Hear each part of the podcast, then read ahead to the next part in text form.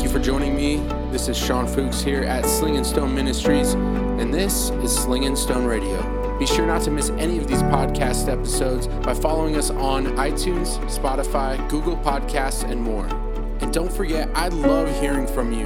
So be sure to message me on Facebook. Just search for Sling and Stone Ministries. You can also send a message directly to me from our website at www.slingandstoneministries.com. And thank you so much for your love and support. Sling and Stone's mission is to seek out Jesus first and foremost, to learn how to love people like Jesus did, and then to become disciples ourselves and to make disciples. And may all the glory be to God.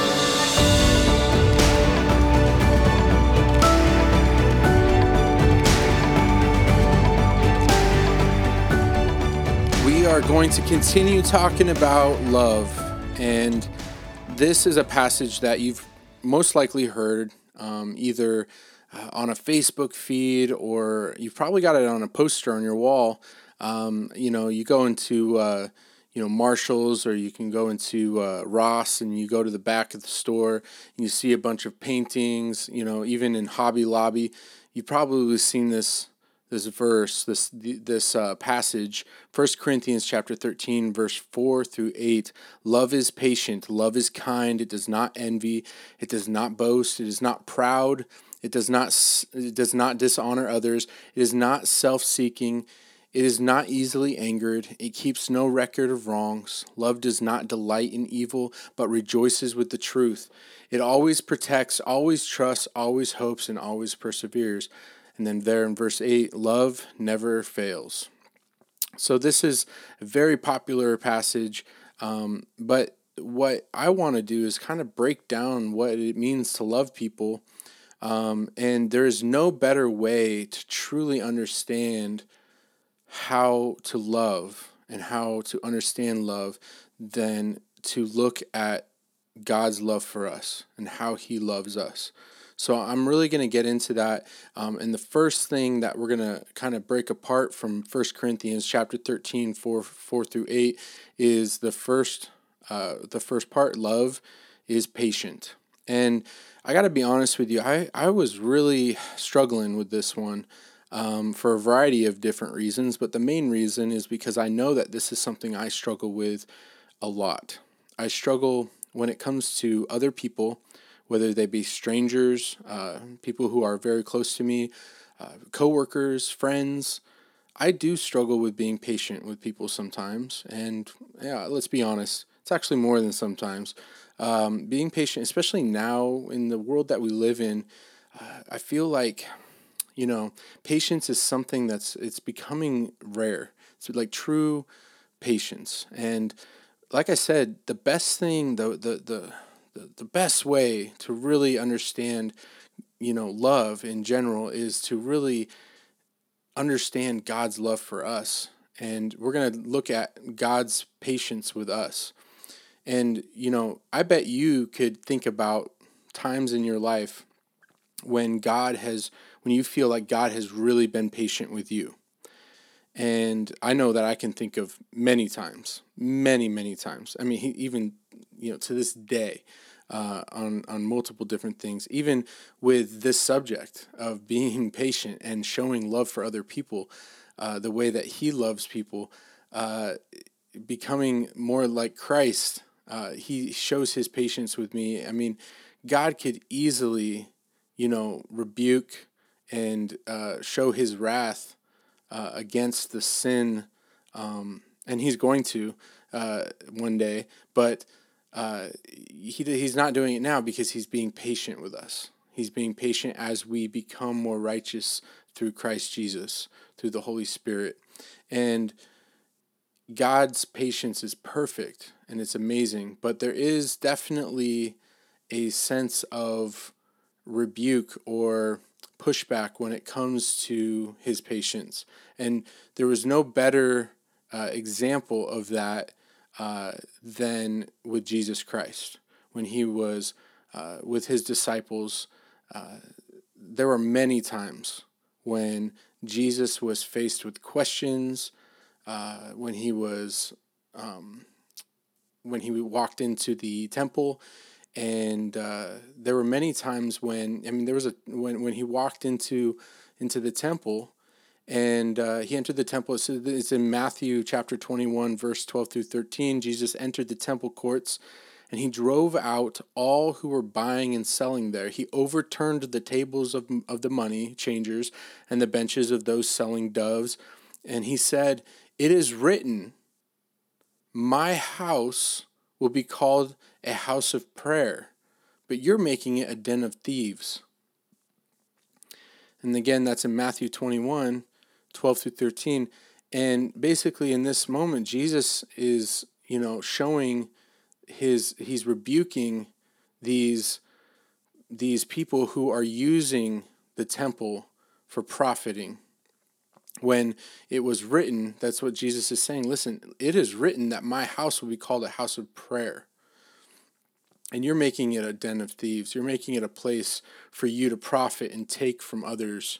There was another time when Jesus was on on the uh, boat out on the sea um, with his disciples, and there was a huge storm that showed up, and uh, the storm was rocking the boat back and forth, and and everybody on the boat, all the disciples were were terrified. They were looking out on the storm. They were wondering, "Oh my gosh, what's going to happen? Are we going to survive this?" And Jesus was sleeping, and one of the disciples comes over and nudges him and says, "Yo, aren't you gonna? I mean, why aren't you afraid? What's? I mean, look at this. Look what's going on here. There's you know waves crashing on our boat. I mean, surely we're you know we're in danger here." And Jesus said simply you of little faith, why are you so afraid?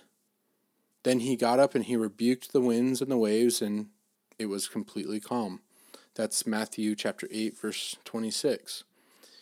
And it, it, it shows, you know, Jesus kind of shaking his head, going, what is, what is your deal here? Why aren't you getting this? And it's just, it's kind of showing, you know, it's part of showing his patience. Um, and I mean, there were plenty of other times. There was the uh, uh, there was the time when there was a boy a boy that was uh, demon possessed. Uh, Matthew chapter seventeen verse sixteen uh, or starting in fifteen. You know, Lord, a man came to him and said, "Lord, have mercy on my son." He has seizures and he's suffering terribly. He's off. He often falls into the fire and into the water. He's, he, you know, he's possessed and I brought him to your disciples, but they couldn't heal him. And then Jesus says, O unbelieving and perverse generation, how long must I remain with you? How long must I put up with you? Bring the boy to me. And they bring the boy to him, and they and of course Jesus heals him. But this just goes to show you his patience with, I, you know, I look at it like Jesus was constantly given moments or like m- multiple moments of uh, where he was faced with these questions that just seemed silly. And his responses are with love. You know, Jesus healed the boy. He he drove out the demon.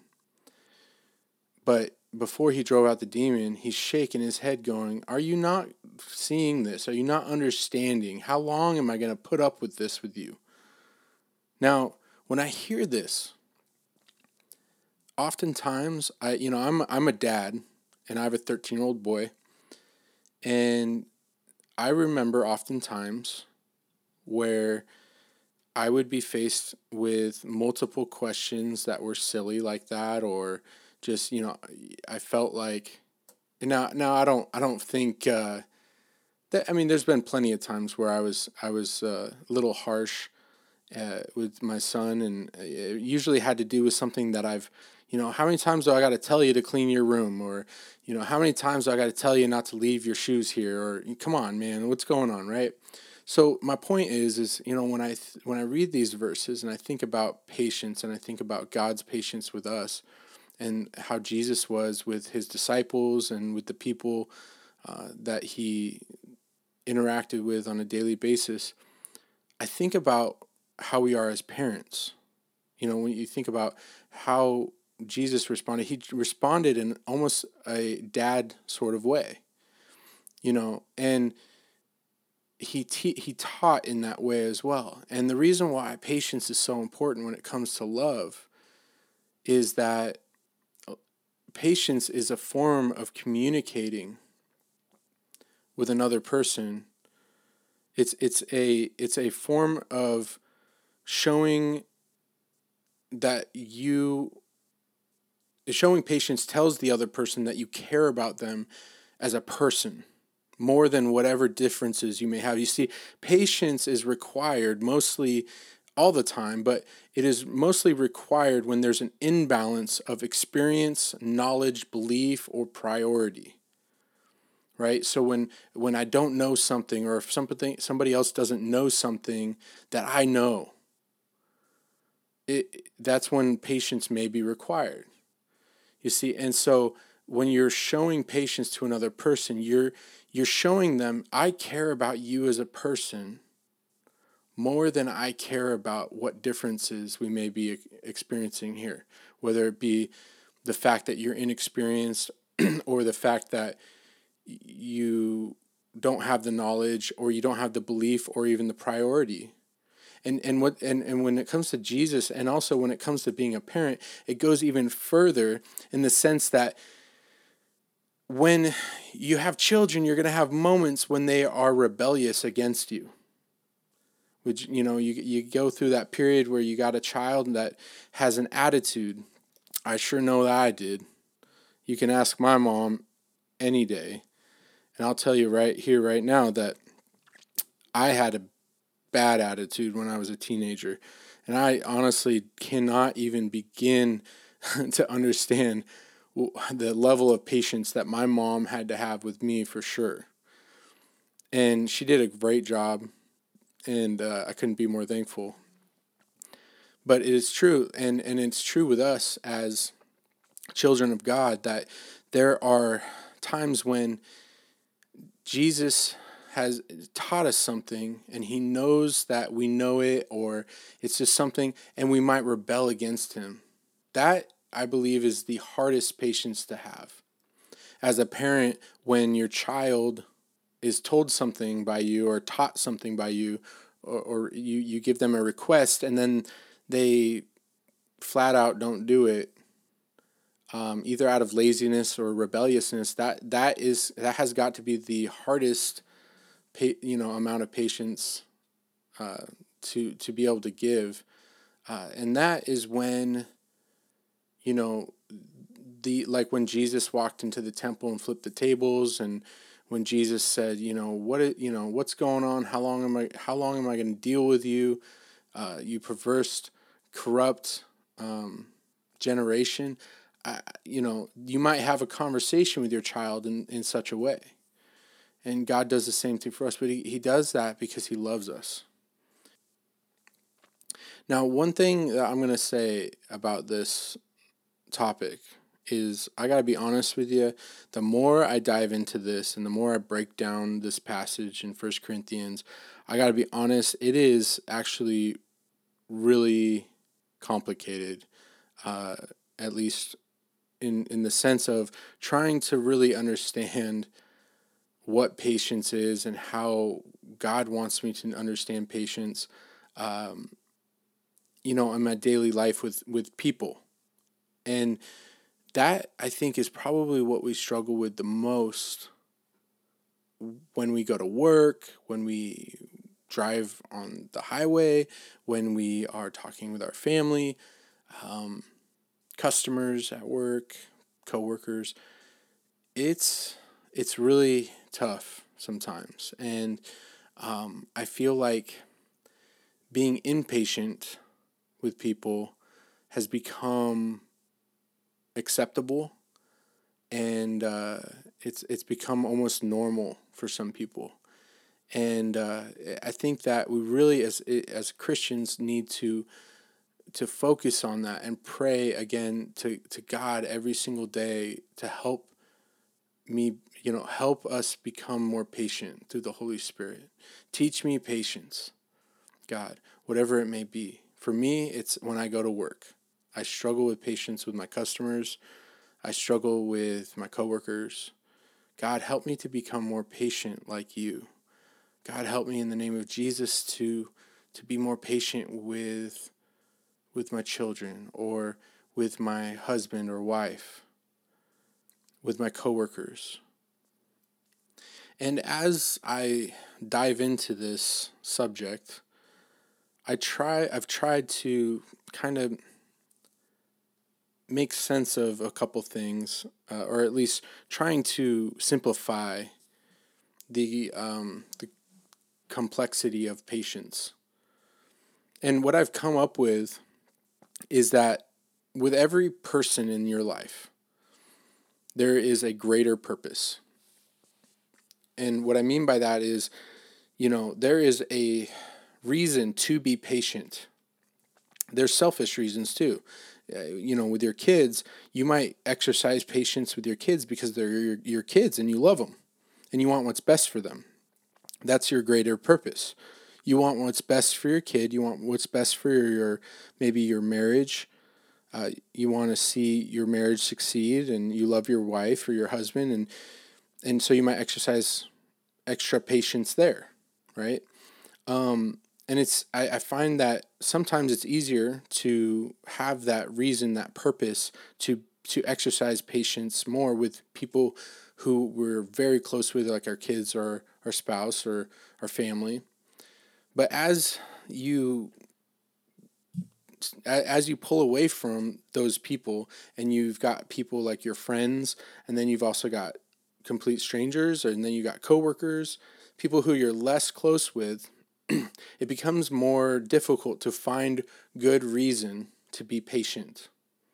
You know, if somebody cuts me off on the road and I don't know who they are and they just put my life in danger, not to mention uh, almost hit my car and you know so on and so forth and just flat out was rude to me it's hard for me to be patient with them as much as it is if it was uh, my own child because i don't really selfishly speaking don't really care about their well-being as much as I might care about my child's well-being. That's just the truth. That's the fact. That, that that's just a fact. You can most people can agree that that's just the the selfish truth, you know.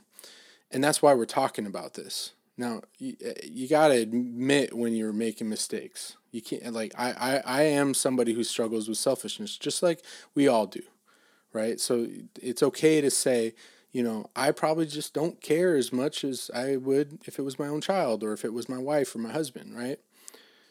So, what is the greater purpose for those people? For a, a complete stranger? Well, there's one thing that I would say, me personally as a Christian, somebody who know, knows Jesus and wants to know Jesus more, there's one thing that I can say without a doubt that I could not be okay with anybody experiencing. Not one person, strangers, not one, uh, my coworkers, not, you know, even my greatest enemies is complete separation from God, which is what it means to die without knowing Christ. That is one thing that I would say is my greater purpose for everyone. Now, why is that? Why should I care? Well, if you have to ask yourself this question, why should I care if somebody is completely separated from God and doesn't know Christ when they die? Here's what I would say I would say that you don't fully understand what happens and you don't fully understand what it means to to be in this place that was created for sin called hell. I would encourage you to do a little research on what the Bible says. I'm not going to get into what the Bible says about hell, but I would encourage you to do it on your own. Read the Bible, find out what passages, and there, there might be a day where I talk about it. Now, I don't want you to necessarily go into reading this these passages with fear. I'm very adamant about this. When I when I talk about God and when I talk about Jesus with believers, non-believers, people just on the fence, whoever, I am not a huge advocate to preaching with fear and telling people that they're going to go to hell and that you need to believe in Christ or you're going to so on and so forth. It's way bigger than that. And and you know this if you're a Christian. You know this if, you have Christ inside of you that you no longer fear death, you no longer fear hell because it's not a place where where you're going to go. Cuz you you you know, you know in your heart that you've been you've been claimed by Jesus Christ who defeated death, who paid the price. So, back to what I was talking about, if you don't understand hell, you won't understand why it's important to love people for the purpose of showing God's love to them so that they may come to know Christ. Hell is a it's it's it's a very very bad place. But I, the way I like to describe it the most is set, is complete separation from God, complete separation from all that is good, and everything that everything that that's the opposite of good and joy and peace and love is what you would experience in this place because this place is, is, is a place that God created to put sin forever. So, again, to fully understand why I should care about another person, you got to truly understand what hell is. And when you do, you'll start to have a heart for people or a desire to really want to put Jesus out and out there. You know, the world is so full of lies. It's so full of confusion.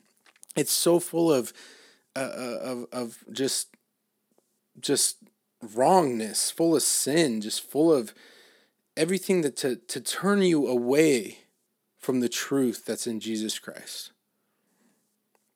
You see it every day and you hear it every day. And there's so much false teaching, there's so much uh, just like left, right, up, down. I mean, it's just it's it just boggles my mind. And that's why I have to rely on God's word. I lean heavily on Jesus Christ and the Holy Spirit to survive this. So because we live in this world that's just so full of confusion, so full of just sin and just darkness. Every single person who is lost in this place, this darkness, this this world that is just full of confusion, it's like it's like you're walking by a house that's on fire and you hear people screaming, why would you not want to help them? You know? You wouldn't want that for your worst enemy. But it's way worse than a house fire. It's complete separation from the God of the universe that created all things, time, space, all that is good forever. And knowing that should put a should spark a desire in your heart to, to make sure that you do whatever you can do to show God's love so that people may come to Christ Jesus. So in in this teaching and what what I'm talking about with love, it is showing patience for people. Showing patience in a way like a father would show patience to a child. And if you struggled with knowing what it means to have a father, you need to recognize that you might have something that you struggle with in the, in the sense of maybe you didn't have a dad or maybe you, you were in a bad situation where your father wasn't necessarily the best father. And you know i would i would advise you to if, if anything you know look into uh, your local church and see if you can't find a mentor somebody who you can look up to. But but don't I, you know, this is tough because I, I, I, I, I was blessed with a dad who picked me up every weekend and showed me that he loved me and, and I can't relate at that level. So it's definitely something, but my point is, is, you know, there is something to be said about how a father loves their child and how our father loves us as children of God. And and and by doing so he he is patient with us so that that is that is that is what is on my heart when it comes to God's love and how we're to love people with patience. Um, like I said, there's there is a lot of moving parts when it comes to love, and even just patience alone. And there's a lot uh, to talk about. I probably just scratched the surface, but this, like I said to you before, this is something I was struggling with to because I know that this is something that I know that I struggle with patience. I was struggling putting this this uh, I don't know this this episode together. It took me, you know, took me a while to sit down and like just, you know, just go for it because I knew that this is something that I really honestly don't have any I don't have any ground to stand on. I'm not a professional. I'm not a professional when it comes to patience. I'm an unprofessional person when it comes to patience. I am somebody who struggles with being patient, and uh, I, I find it, uh, you know, I'm not surprised that it is the first point that is made in First Corinthians that love is patient. First Corinthians chapter 13, ver, verse 4 through 8. It, it, I, it's, I, there's no surprise to me that it's the first point because it's probably one that we all struggle with and it's and it's important. So anyways, I would encourage anybody listening to this to turn to Jesus in prayer. If you notice that you are struggling with, with patience, ask God, please, through the Holy Spirit, mold my heart to be more like Christ when it comes to loving people with patience Help me to see where I am impatient. And God, reveal to me ways that I, what I can do to become more patient so that I may love people, so that they may ultimately come to know you. And I know that when I pray to God that that eventually, if not immediately, he will answer my prayer. And so I believe that if you pray that prayer, that He will answer your prayer and He will help you. So I'm going to end this in prayer. I'm to, you know, like I said, I could talk for for hours. There's so many things to talk about, but I think I just scratched the surface here. I kind of went over some pretty important points. Hopefully, this is something that is useful and helpful. Um, and, and, we'll just dive more into it, you know, in, in the next episode. So, thank you for listening. Heavenly Father, God, thank you for today. Thank you, God, for all that you've done for us. Thank you, God, for all that you've done for me in my life.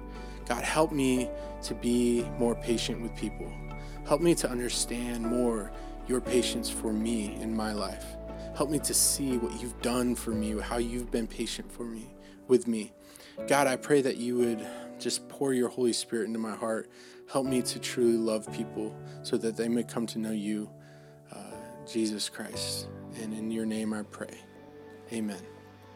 Hey, I just want to say thank you for joining me today when we talk about love and talk about patience. Next time, we're going to talk about kindness and how kindness shows how we love people um, and different ways that we can be kind to people. Kind of goes hand in hand with patience. It's all really connected, but ultimately, we're going to dive more into love and loving people.